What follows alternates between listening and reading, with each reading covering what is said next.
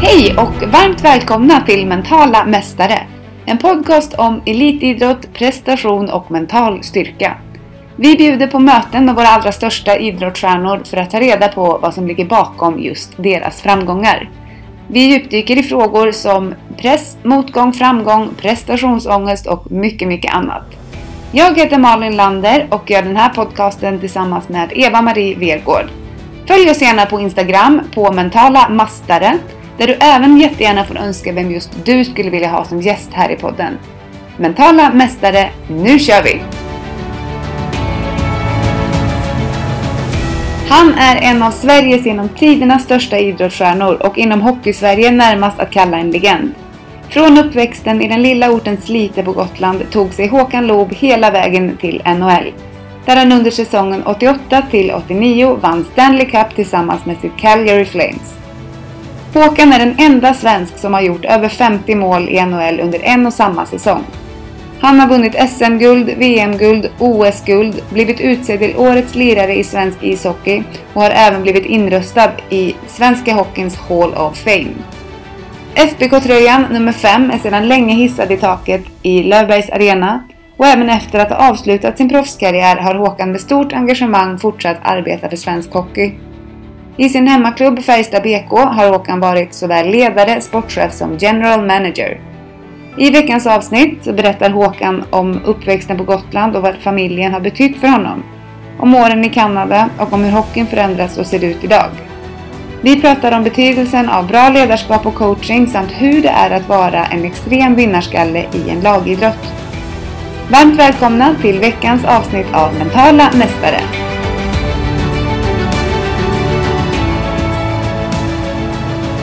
Håkan Loob, välkommen till Mentala Mästare.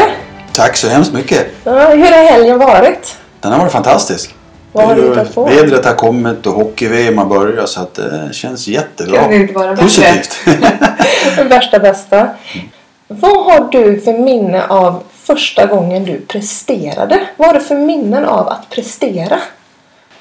Oj, håller på att säga. Det är nästan så att det är som ärr i, i huvudet på en när man, när man tänker tillbaka sådär. Och klart när man har ju ställts inför en situation många gånger och tänkt tillbaka och folk har frågat om när man var liten och allt sånt där. Men jag, jag tror faktiskt att redan när jag gick i tredje klass så eh, har jag lite minnen av att eh, vi hade skol-DM och eh, jag var mycket yngre än alla andra som skulle spela det här skol-DMet och fröken skulle inte släppa iväg mig för att jag, hon förstod inte det här med att, att åka iväg och spela skol-DM att det var en prestation.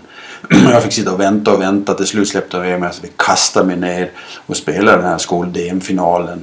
Och det är väl det jag kommer ihåg då att vi vann med 5-3 och att man var med och gjorde eh, ganska stor nytta fast man var tre år yngre än alla andra. Så att eh, det, var- det är nog första gången som jag kände att, att det fanns en prestation i kroppen.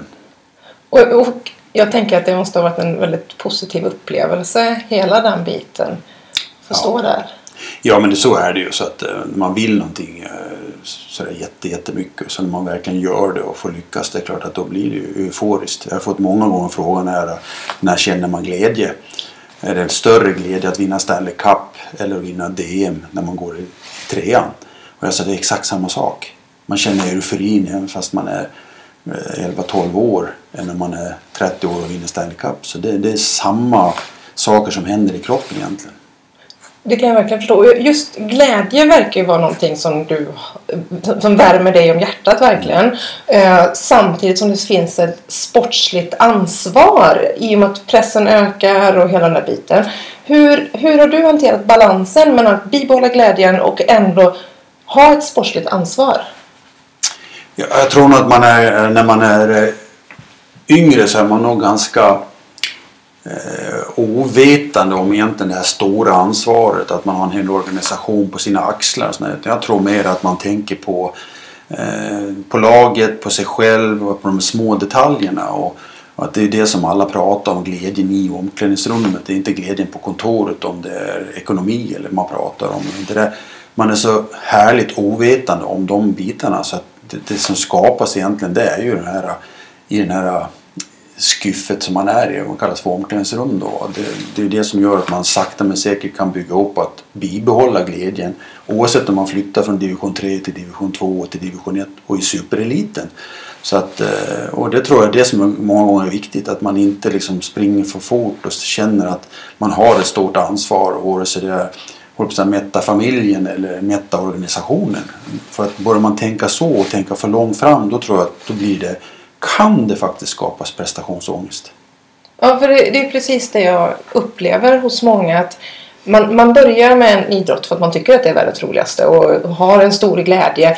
Men sen ju högre upp man kommer så kommer just det här att fast jag kan inte bara prestera med glädje nu för jag måste ha ett ansvar eller jag känner ja, men mot laget, mot klubben och just att liksom ändå kunna bromsa in det där. Men då tänker du att man liksom låter saker och ting ta tid? Ja, alltså jag tror problemet idag det är ju att man är så påsedd om man är oavsett om man spelar i lag eller individ så har du ju media, du har folk runt omkring och det kommer de här ekonomiska möjligheterna också. Att man spelar man de stora sporterna så blir jag bra så blir det fantastiskt och det, det påminner ju många om. Då. Men det som jag tror är viktigt som är många som inte många klarar av det är visualiseringen. Alltså att det är ju egentligen att, att uppleva det i verkligheten. Det startar egentligen i fantasin. Och ju mer man kan fantisera och vara kreativ i det så tror jag också att man är mer förberedd för när det verkligen händer. Så att eh, det tror jag är, och det är ju positiva och negativa saker som händer i hjärnan egentligen. Och ju mer du kan fantisera tror jag, och fantasi det tror jag är, det skapar ju kreativitet. Så att, eh, men många klarar ju liksom inte av det. Då blir man påverkad av alla andra runt omkring och då blir det jobbigt många gånger. Hur har, hur har du använt visualisering? Jag, först så har jag nog inte tänkt så jättemycket utan jag tror nog att jag, jag är född med väldigt mycket fantasi. Jag menar, mamma och pappa sa det ofta. Jag var, kunde vara ute på bakgården själv och vara kommentator i mina egna skidlopp och, och så vidare. Att det fanns en enorm fantasi, fantasi hos mig. Men det tänkte man ju inte på då. Det är bara som man är, den personligheten som i princip man föds med, den miljön man växer upp i. Men Eh, sen sedermera så började jag intressera mig mer och mer för det här. Vad, vad innebär det egentligen? Och så träffade jag på en, en idrottspsykolog borta i Nordamerika när jag spelade i, kan, i Kanada, i Calgary. Och då, då väckte det verkligen i mig att det här med visualisering, det, var, det är ju jätte, jätteviktigt att förstå det. För att egentligen, när man hamnar i en situation, men där har jag redan varit i fantasin. Då vet jag hur jag ska göra. Och då kanske det var fullt naturligt för mig att när jag, när jag hamnar där och pucken kommer, då är det öppet mål då har jag inga problem. Så att, eh, nej, så det var den stora, liksom, när jag började förstå. Det var när jag träffade den här idrottspsykologen och, och verkligen tog till mig och jobbade med honom.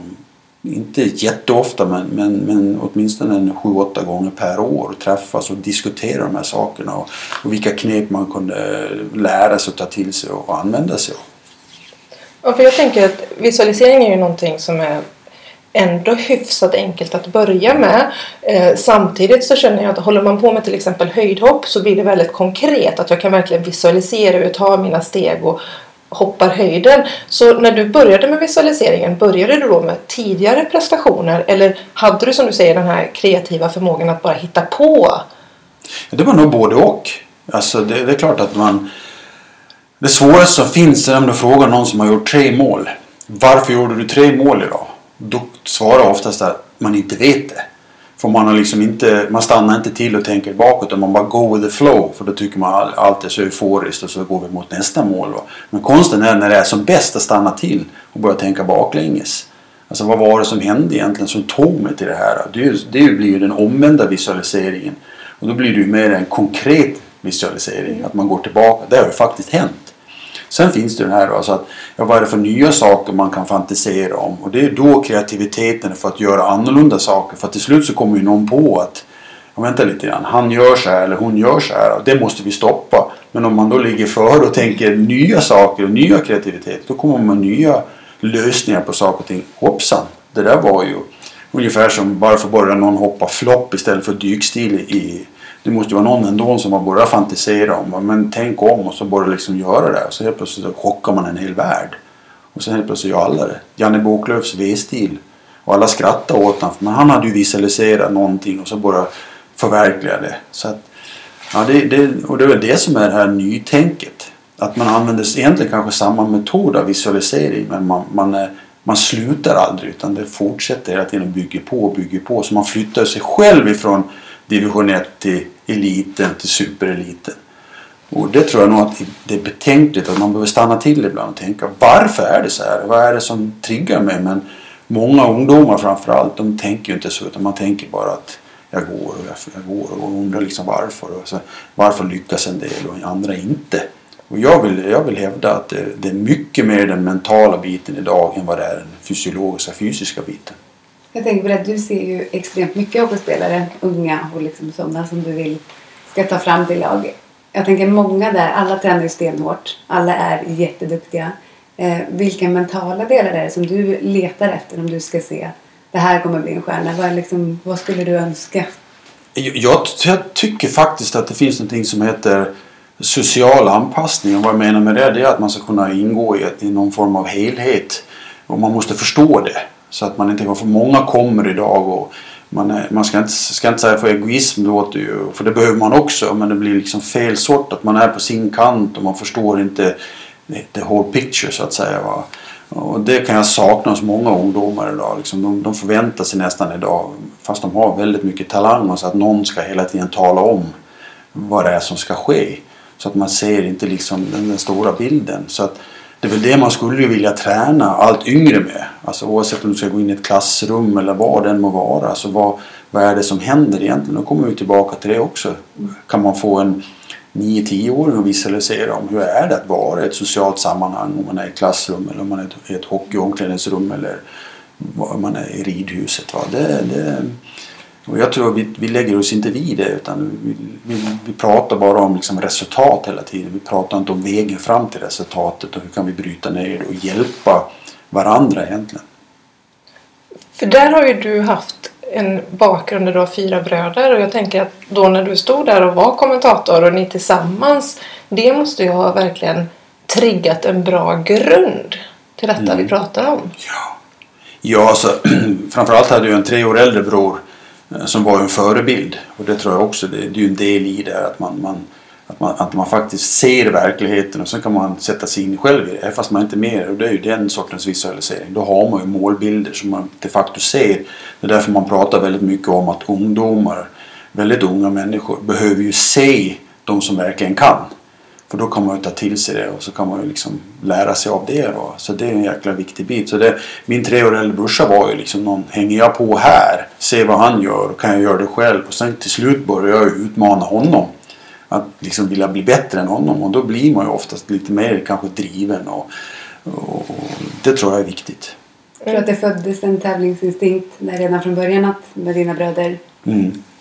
Det tror jag absolut att, att det gjorde. Liksom det, det är ju så att man vill ju inte vara sämre än vad de är och så är det klart att visar sig att man är tre år yngre så man är så kanske så eh, naiv så att man tror att man ska kunna göra samma saker. Och ju mer man tror att man kan göra samma saker som en treårig eller brorsan och så lyckas man med det. Så då ligger man ganska långt fram i sin egen ålderskull så att säga. Och, och då växer ju självförtroendet.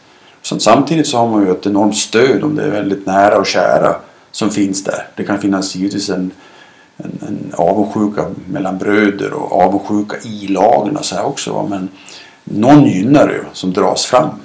Så det brukar man faktiskt säga att många småsyskon, alltså att de, det är de som blir bra. För att de på något sätt så lär, lär de sig fighta och utmana.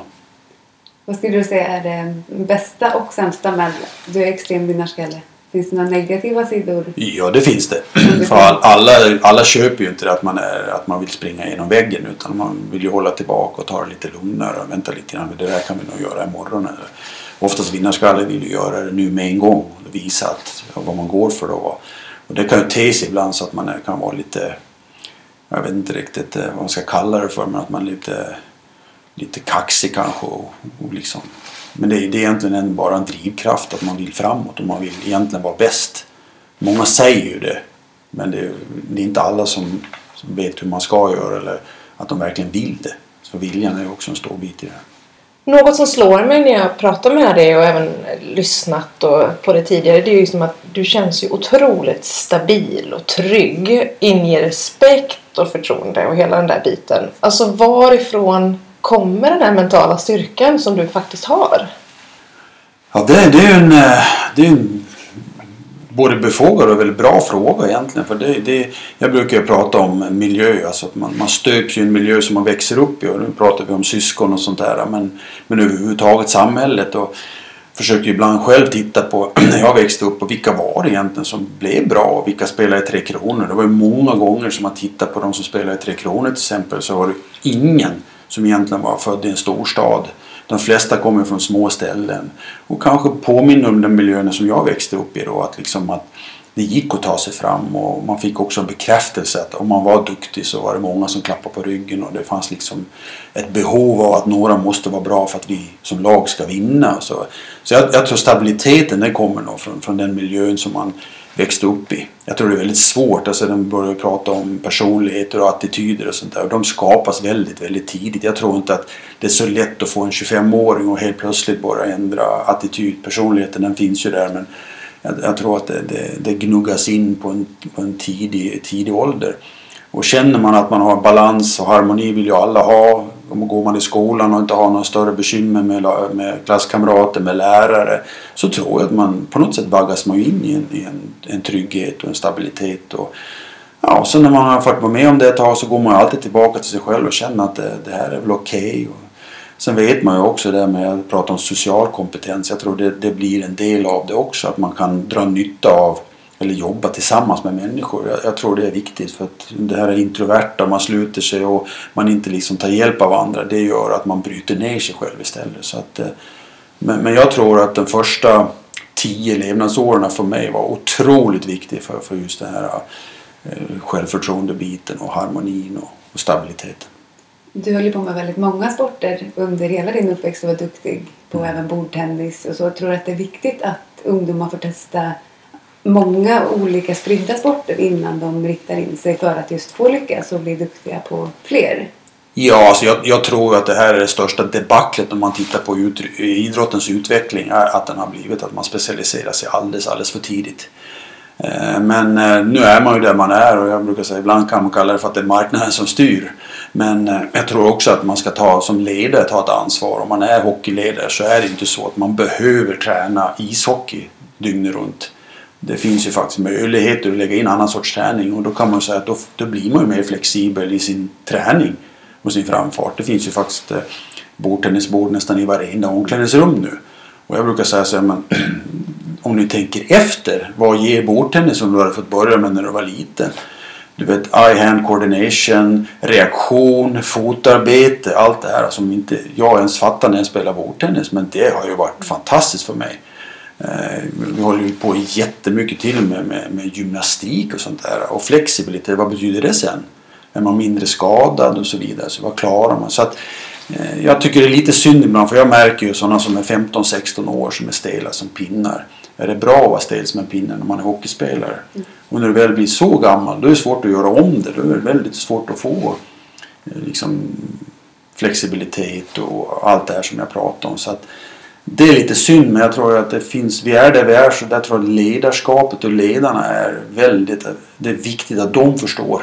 För då kan ju de supporta och ge en helt annan inblick i vad är det som krävs när du väl sen om talangen tar det liksom vidare på hög nivå. Då, då, då fogas det här samman och då får du, tror jag, en lycklig utgång. Eller kanske en bättre utgång, ska inte lycklig. Mm. Vi pratade ju precis innan vi startade upp den här podden just om att träning och, och som du säger att ju mer vi kan träna alla bitar så kan vi bli starkare. Hur ser den mentala träningen ut idag inom hockeyn skulle du säga? Den är ganska, jag tycker att den, är, den finns där men den är väldigt eftersatt. Och framförallt när vi pratar om, om yngre åldrar.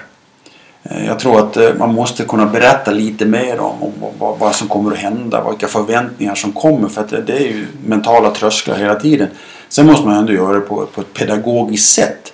Och problemet idag, jag brukar alltid säga att den bästa tränaren och mest utbildade tränaren ska egentligen ha hand om de som är små. För när du väl blir 22 år och har liksom nått en väldigt hög nivå då är det ju finslipet. Va? Men det här grundläggande det kommer ju mycket tidigare och där har vi ju lite grann av givetvis ett problem för att många som är ideella idag de ställer ju upp bara för att de har tid och kanske inte har den här pedagogiska förmågan och, och hjälpa till över de här mentala trösklarna. Eh, för jag tror att eh, ju mer man engagerar sig i människor, alltså framförallt i barn, tjejer och killar, så desto bättre resultat får man ju. Sen är det ju inte så här att man ska peka med hela handen och nu ska man göra massa specifika övningar. Utan det är ju, det låter hemskt att säga men det är någon form av positiv manipulation. Det, det är ju det egentligen mental träning handlar om. Hur kan man hjälpa folk att ta sig vidare över vissa knölar som är ett motstånd. Väggar som man behöver sänka, liksom, trösklar som man behöver sänka. Så, så att, eh, jag tror att man systematiskt skulle behöva jobba mycket mera med eh, både individer som ska utöva men också de som är föräldrar och så vidare. Alltså vad är det vi, vad, vad kastar vi in våra barn i? För jag tror att många förstår inte det. Så blir de lite chockade över klimatet där och så blir man frustrerad och så börjar man tala om att så här kan vi inte ha det. Så börjar man ge sig på ledare, så börjar man ge sig på sina egna barn och så får vi helt plötsligt en väldigt, kanske en tragisk idrottsupplevelse för barnen. Ja, för mig är ju mental träning också någonting, det handlar om att bli väldigt medveten om sig själv och att kommunicera, alltså det, det du är inne på, hur jag mår och hur det känns i olika lägen för att komma åt de här spärrarna. När du har mött spärrar under din karriär, så min fråga är egentligen ett, har du haft några spärrar? Och två, har ni kunnat kommunicera? Det behöver inte vara hela laget, det behöver inte vara coachen, det kan ju vara specifika spelare. Men hur har den här, att medvetandegöra spärrar, kommunicera dem tillsammans? Ja, men jag tror att det, det jag pratar om det här med att vara extrovert eller introvert. Jag tror att det är också en grej. Alltså när man spelar tillsammans med någon. Jag tänker tillbaka mm, mest på mig själv kanske givetvis. Men just det här att har har fått vara tillsammans med någon många år i samma lag eller varit med i landslag och sådär. Så då får man ju helt plötsligt det här diskussionsunderlaget som är på en helt annan nivå än om du bara är själv hela tiden. Och det är klart att då diskuterar man utan att förstå att det är faktiskt mental träning. När man pratar med varandra och kommunikation är ju så otroligt för då skapar man ju också allt ifrån eh, relation och respekt och hela den här biten. Och det är ju en del i det mentala spelet. för att Helt plötsligt om det händer någonting, vad vänder jag mig då? Då säger man så att jag är ensam är stark. Nej, för mig finns inte det. Och nu är jag lagidrottare, men då vänder man sig till sina lagkamrater. Och det är klart att när det är bra positiva människor runt omkring dig som man har lärt känna över tid, då är det ett otroligt stöd.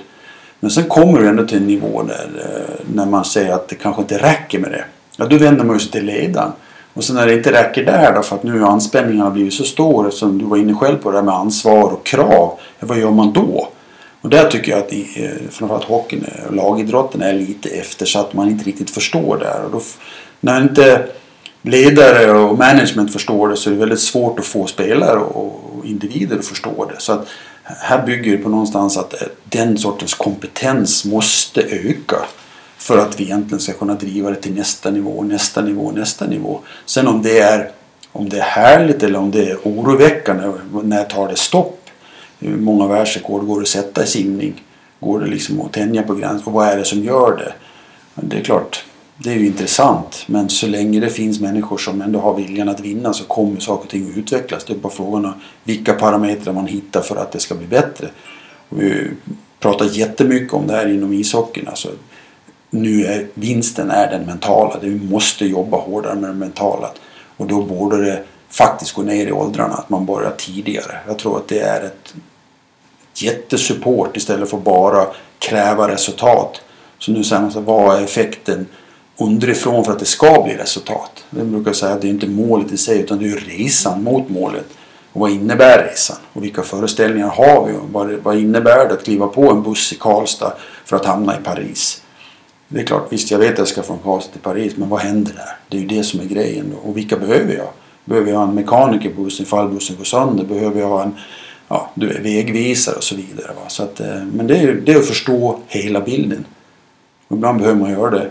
Ibland behöver man någon som hjälper en att förstå det.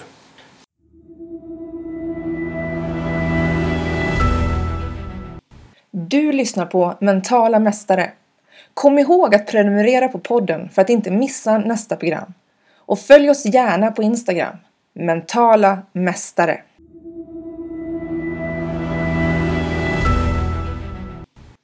Vad skulle du ge för konkreta tips som du själv har gjort när du hamnat i situationer där du har haft hög press på dig själv? Alltså vad har du konkret gjort när liksom, coachen har sagt att vi måste vinna det här eller Nej, men jag, jag, ja, det, det, är ju också en eh, befogad fråga. Men, men jag, jag, brukar alltid tänka tvärtom. Jag tänkte alltid så här att om man gör sin, men du får bedöma det själv, sin bästa match. Vad innebär det för att gå till nästa match?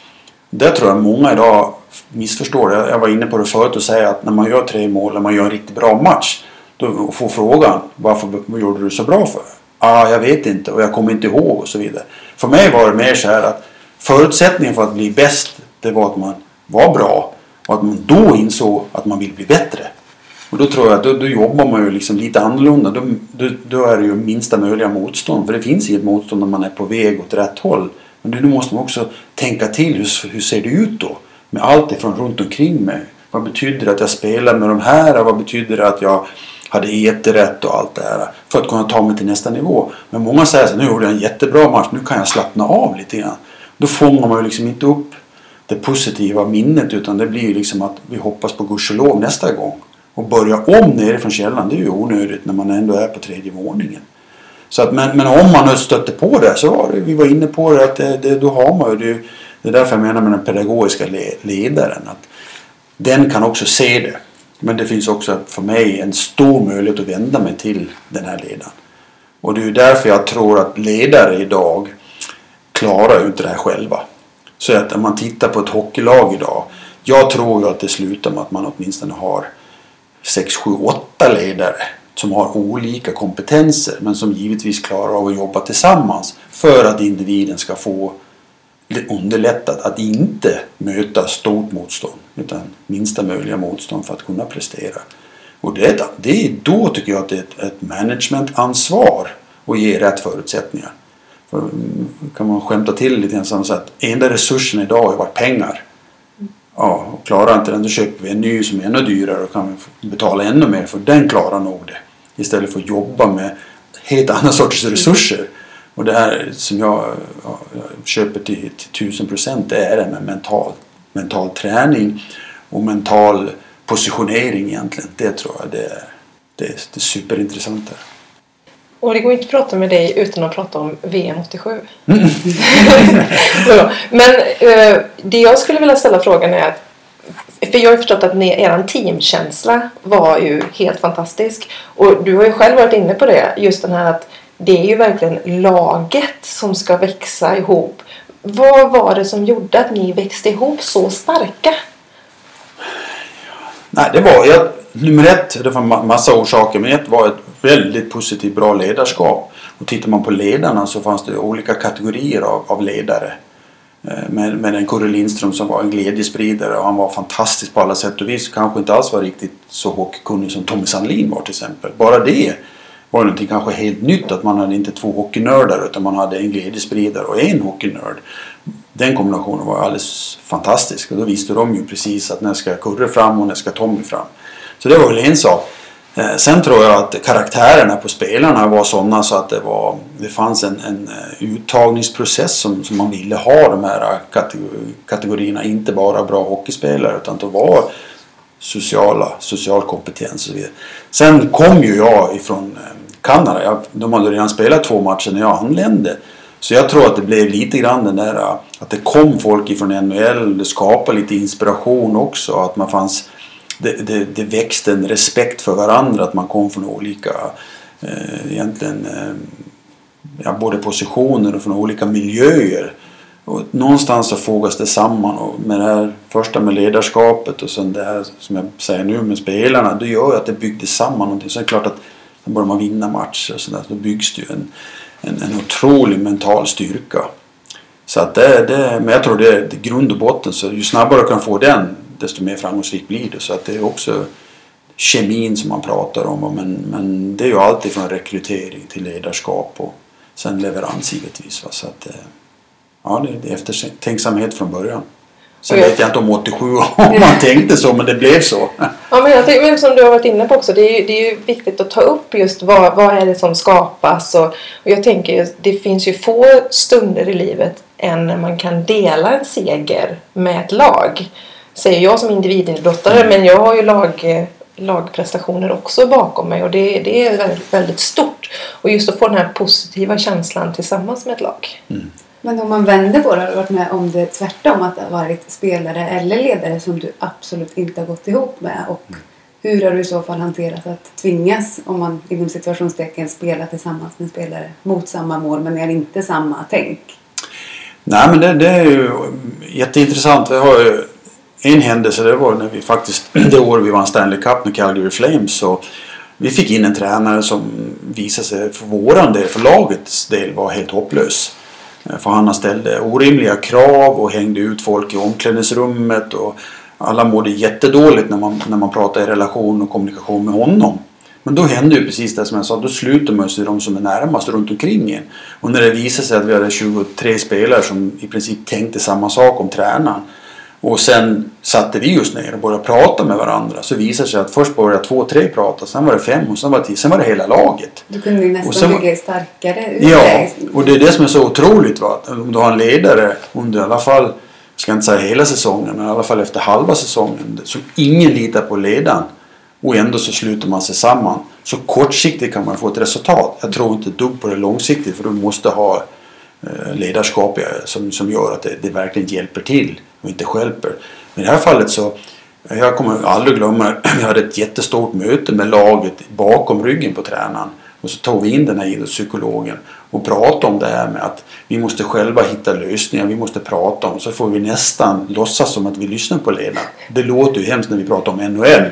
Men det tog alltså oss till att vinna hela Stanley Cup. Så att eh, det, det, det är nästan att använda ordet magiskt. Att vad man kan åstadkomma själv i en gruppering utan ledarskap. Men som jag sa, på sikt går det ju inte. Utan det är ju, det, det är ju, oftast misslyckas man nog. För att det är väldigt sällan kanske du kan få 22-23 att tänka på samma sätt. För det är oftast några som älskar tränaren oavsett hur dum man är mot andra. Så att, att, att få alla att dra åt samma håll det, det, det kan nog vara ganska, ganska unikt tror jag.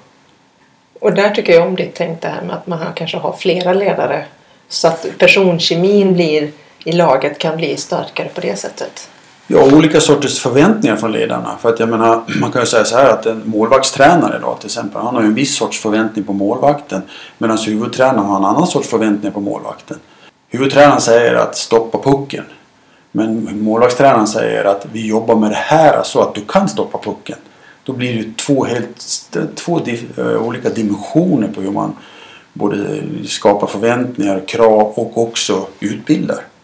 Och det tror jag att ska en och samma person göra allt det här, det, det klarar man inte. Och då tappar man väldigt många eh, spelare i laget som inte får den här stöttningen.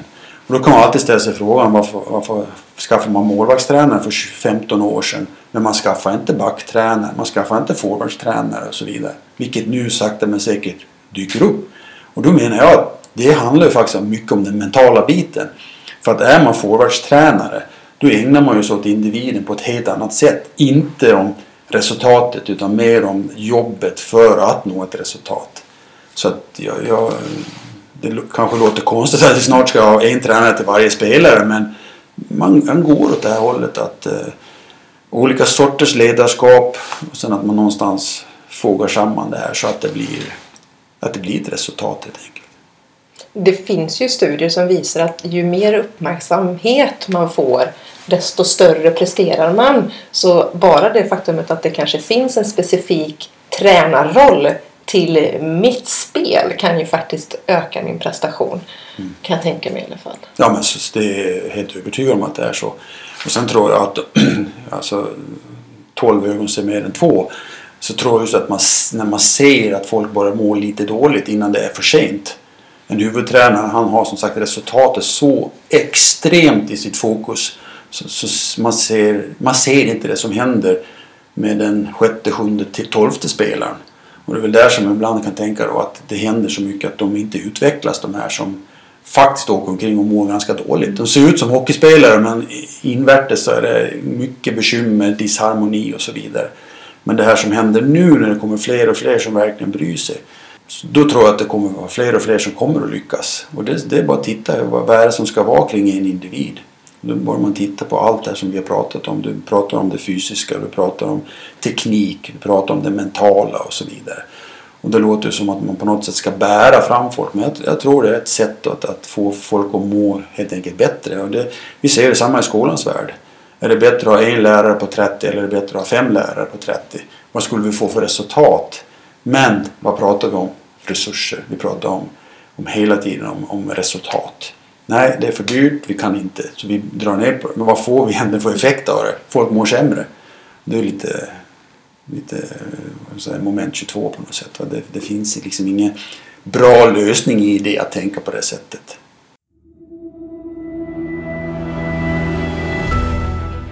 Veckans avsnitt av Mentala Mästare spelas in i samarbete med Clarion Collection Hotel Plaza i Karlstad.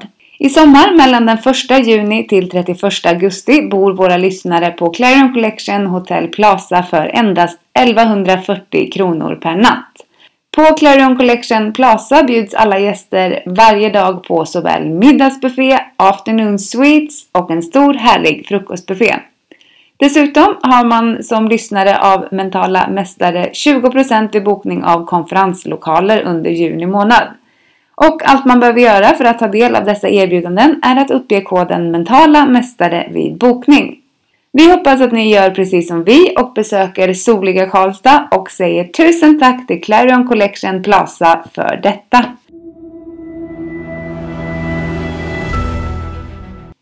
Vi har ju redan varit inne på att du har varit med i NHL och där fick faktiskt möta en mental tränare.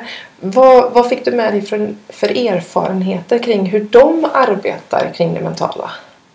Nu är det ganska många år sedan så att eh, det har säkert förändrats men då var det ju en eh, ren och skär katastrof.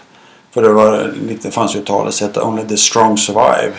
Och vi hade, första gången jag kom så var vi 90 stycken på träningslägret. 22 skulle få spela. Eh, det är klart att många skulle bort. Många föll ju ifrån för att de inte de hade inte den mentala styrkan och hade kanske inte den sociala kompetensen att klara av att vara i den nästan lite prestationsladdade, nästan ångestfulla miljön. Så att kom du från fel eh, miljö från början då var det väldigt svårt att överleva. Då var det bara de starka som överlevde. Så att, eh, eh då var det undermåligt allting. Och jag vet ju att Hap Davis som idrottspsykologen hette. Han, alla fick ju prova honom. Man fick ju komma dit och göra lite individuella undersökningar. Och så Jag tror vi var två stycken som använde honom. Resten var ju starka björnar och nordamerikaner som tyckte jag kan själv. Eh, jag är den, den starke. Vilket gjorde att det var många som skulle ha lyckats mycket bättre om de hade tagit lite hjälp. Men nu pratar vi alltså på 80-talet. Det har säkert förändrats radikalt för nu står ju NHL väldigt mycket för att de har 7-8 tränare och de har management som är mycket, mycket bredare än vad vi har här i Sverige. Så att eh, det har blivit, det har säkerligen blivit mycket, mycket bättre. Det, det hoppas jag i alla fall. Och jag tycker bara att det, historiskt är det också intressant att höra för att för mig så är ju det amerikanska, alltså Kanada och hela den här biten att de är ju verkligen störst, bäst och vackrast. Eh, så jag kan ju verkligen förstå att de kanske inte tog hjälp. Alltså utifrån deras grundmentalitet. Men att det då ändå fanns en vilja att vi har det här stödet och att det kanske kommer mer och mer över till Sverige. Mm. Alltså den amerikanska modellen den är ju ganska lätt att förstå för att det är ju så att det är väldigt få platser i den professionella idrotten och otroligt många utövare. Så då finns det ju en möjlighet att, att vara nonchalant. Att inte hjälpa så många som möjligt utan de får självhjälp så att säga. Va? Och då tar de sig fram. De är starka, de blir ju oftast väldigt tuffa och starka. Och det räcker till för att fylla, som i det här fallet NHL, 30 lag eller 31 lag. Då. Så att, men, men jag tror att man börjar ändå inse nu att även de här som kommer fram till NHL behöver också ha ett stöd och ett hjälp för att det faktiskt var skillnaden som gör skillnaden. Att de blir bäst. För det, fråga vilken NHL-spelare som helst när de väl har lagt av så är det enda de pratar om det var att jag fick aldrig vinna Stanley Cup. Jag fick inte vara med i finalen. Det är deras största saknad. Och så backar man tillbaka. Ja men vad gjorde ni då för att verkligen bli bäst? Då visar det sig att då fattades det väldigt mycket då. Så att det är väl det som tänket är idag som gör att man försöker täppa till hålen. Och då kommer vi tillbaka till, jag, jag tror att det är det mentala som, som även har växt ordentligt där borta. Och som sagt det ökar ju även här hemma när det gäller lagidrotterna. Att eh, man, man, man söker mer och mer, jag ska säga egentligen bortanför det logiska. Det logiska är att ju hårdare jag tränar, det som Stenny sa, ju mer tur får jag. Mm. Men alltså nu börjar man se att logiken säger ju att vänta lite grann. För att få hela människan att funka så är det lite mer än fysisk träning som krävs. Och då kommer vi tillbaka till det. Sen är det bara hur ska vi göra det nu? Vem ska göra det? Och jag fortfarande så tycker jag att man, man skulle köra ännu hårdare med att utbilda människor i idrottspsykologi och börja titta på det här och ta till sig och komma närmare. Och här i Färjestad så har man pratat ganska mycket och fått ännu större samarbete med, med Karlstad universitet där det finns då bortanför logiken, alltså vad är det som ska göra att du faktiskt kan prestera bättre i hockey? Det kan ju vara vad som helst egentligen, va? musik eller vad det nu må vara. Så, det, så kan det ju vara jättebra för att du ska prestera på, på en idrottsarena oavsett vilken idrott det är. Jag menar, var, när jag var liten så spelade man knappt musik i ett omklädningsrum. Idag skulle inte du kunna leva utan att det är musik i ett omklädningsrum. Då var det ologiskt, idag är det fullständigt logiskt. Men när möts det här och när flätar man ihop två saker? Och därför tror jag att det här med idrottspsykologin den kommer att växa. För när du sa idrottspsykologi för 30 år sedan, då var, du, då var du sjuk. Idag är det för att du ska prestera bättre. Finns det någon spelare under hela din karriär som du har sett upp mer till än någon annan? Om du tänker just en mental styrka. Alltså jag tror med tränare.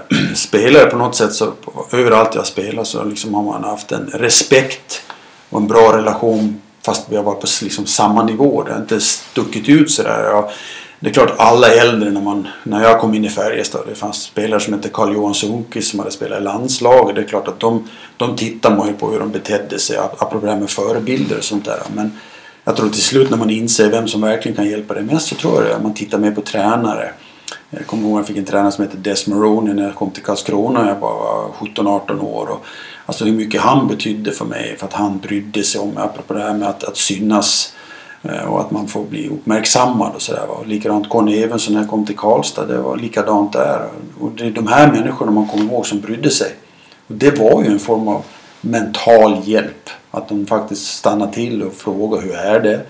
Hur är det med om du, om du har flickvän eller frun eller hur är det med barn? Och så. Det gör ju att man, man får ett helt annat perspektiv på saker och ting. Och det, då börjar det här med relation. Man bygger relation, man bygger respekt. För det är ju så att man pratar om go men, men goda relationer, det är ju de man har respekt för. Eller vice versa. Du, när du pratar om människor som du inte kan respektera, de har du oftast en otroligt dålig relation med. Så att, eh, eh nej, så, så att eh, själva spelet, ja, man tittar, jag kom till Kanada så hade jag en, eh, en lagkapten, lagkapten där som hade varit otroligt framgångsrik både som kapten och som spelare. Det är klart att man har man, man såg upp till och, och, han var ju stark, han var kanadensare och hade den här mentaliteten som var att man verkligen, man kan bry sig men man också blir, var, var lite egoist för det behöver man ju också vara. Det var en, en anekdot där, det var en, kom på första träningslägret, fick bo med en kille, vi, vi fick bo på hotell. Jätteduktig spelare. Jag tyckte han på träning att han såg ut som att han skulle kunna spela i NHL. Sen plötsligt en dag så var vi i två olika grupper. Sen dagen efter så kom jag ner, då var hans väska packad. Och då skulle han bli nedskickad till farmarlaget så han fick inte vara kvar. Då kom den här som jag faktiskt respekterar. Så sa jag till honom, men herregud, så jag tyckte att han var inuti helsike bra. Så han, jag tror han skulle platsa. Då säger han så här, som din vän sa han. Du ska vara glad att det var han. För nästa gång är det du. Och då var det liksom det här, mm. oj. Så att man, man skulle ha en bra relation men ändå fick man ha distans till saker och ting. Va? Och det var den här tuffa mentaliteten där borta. Att vänta lite grann nu. Bry dig givetvis att vara ärlig mot människor men du måste förstå ibland måste egoismen träda in också. Och det är väl kanske det yrkesmässiga när man pratar om idrott. Det är ju så. Ibland är det så att man trampar på folk för att ta sig fram själv. Det, det är bistert men, men så är det ju också. Det är också en form av mentalitet. Och den som står och väntar kommer ju oftast inte att, att segra. Utan den kommer ju bli omsprungen.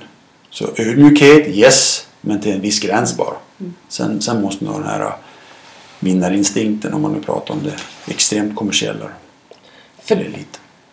för där tänker jag ju på ett citat som Wayne Gretzky har sagt.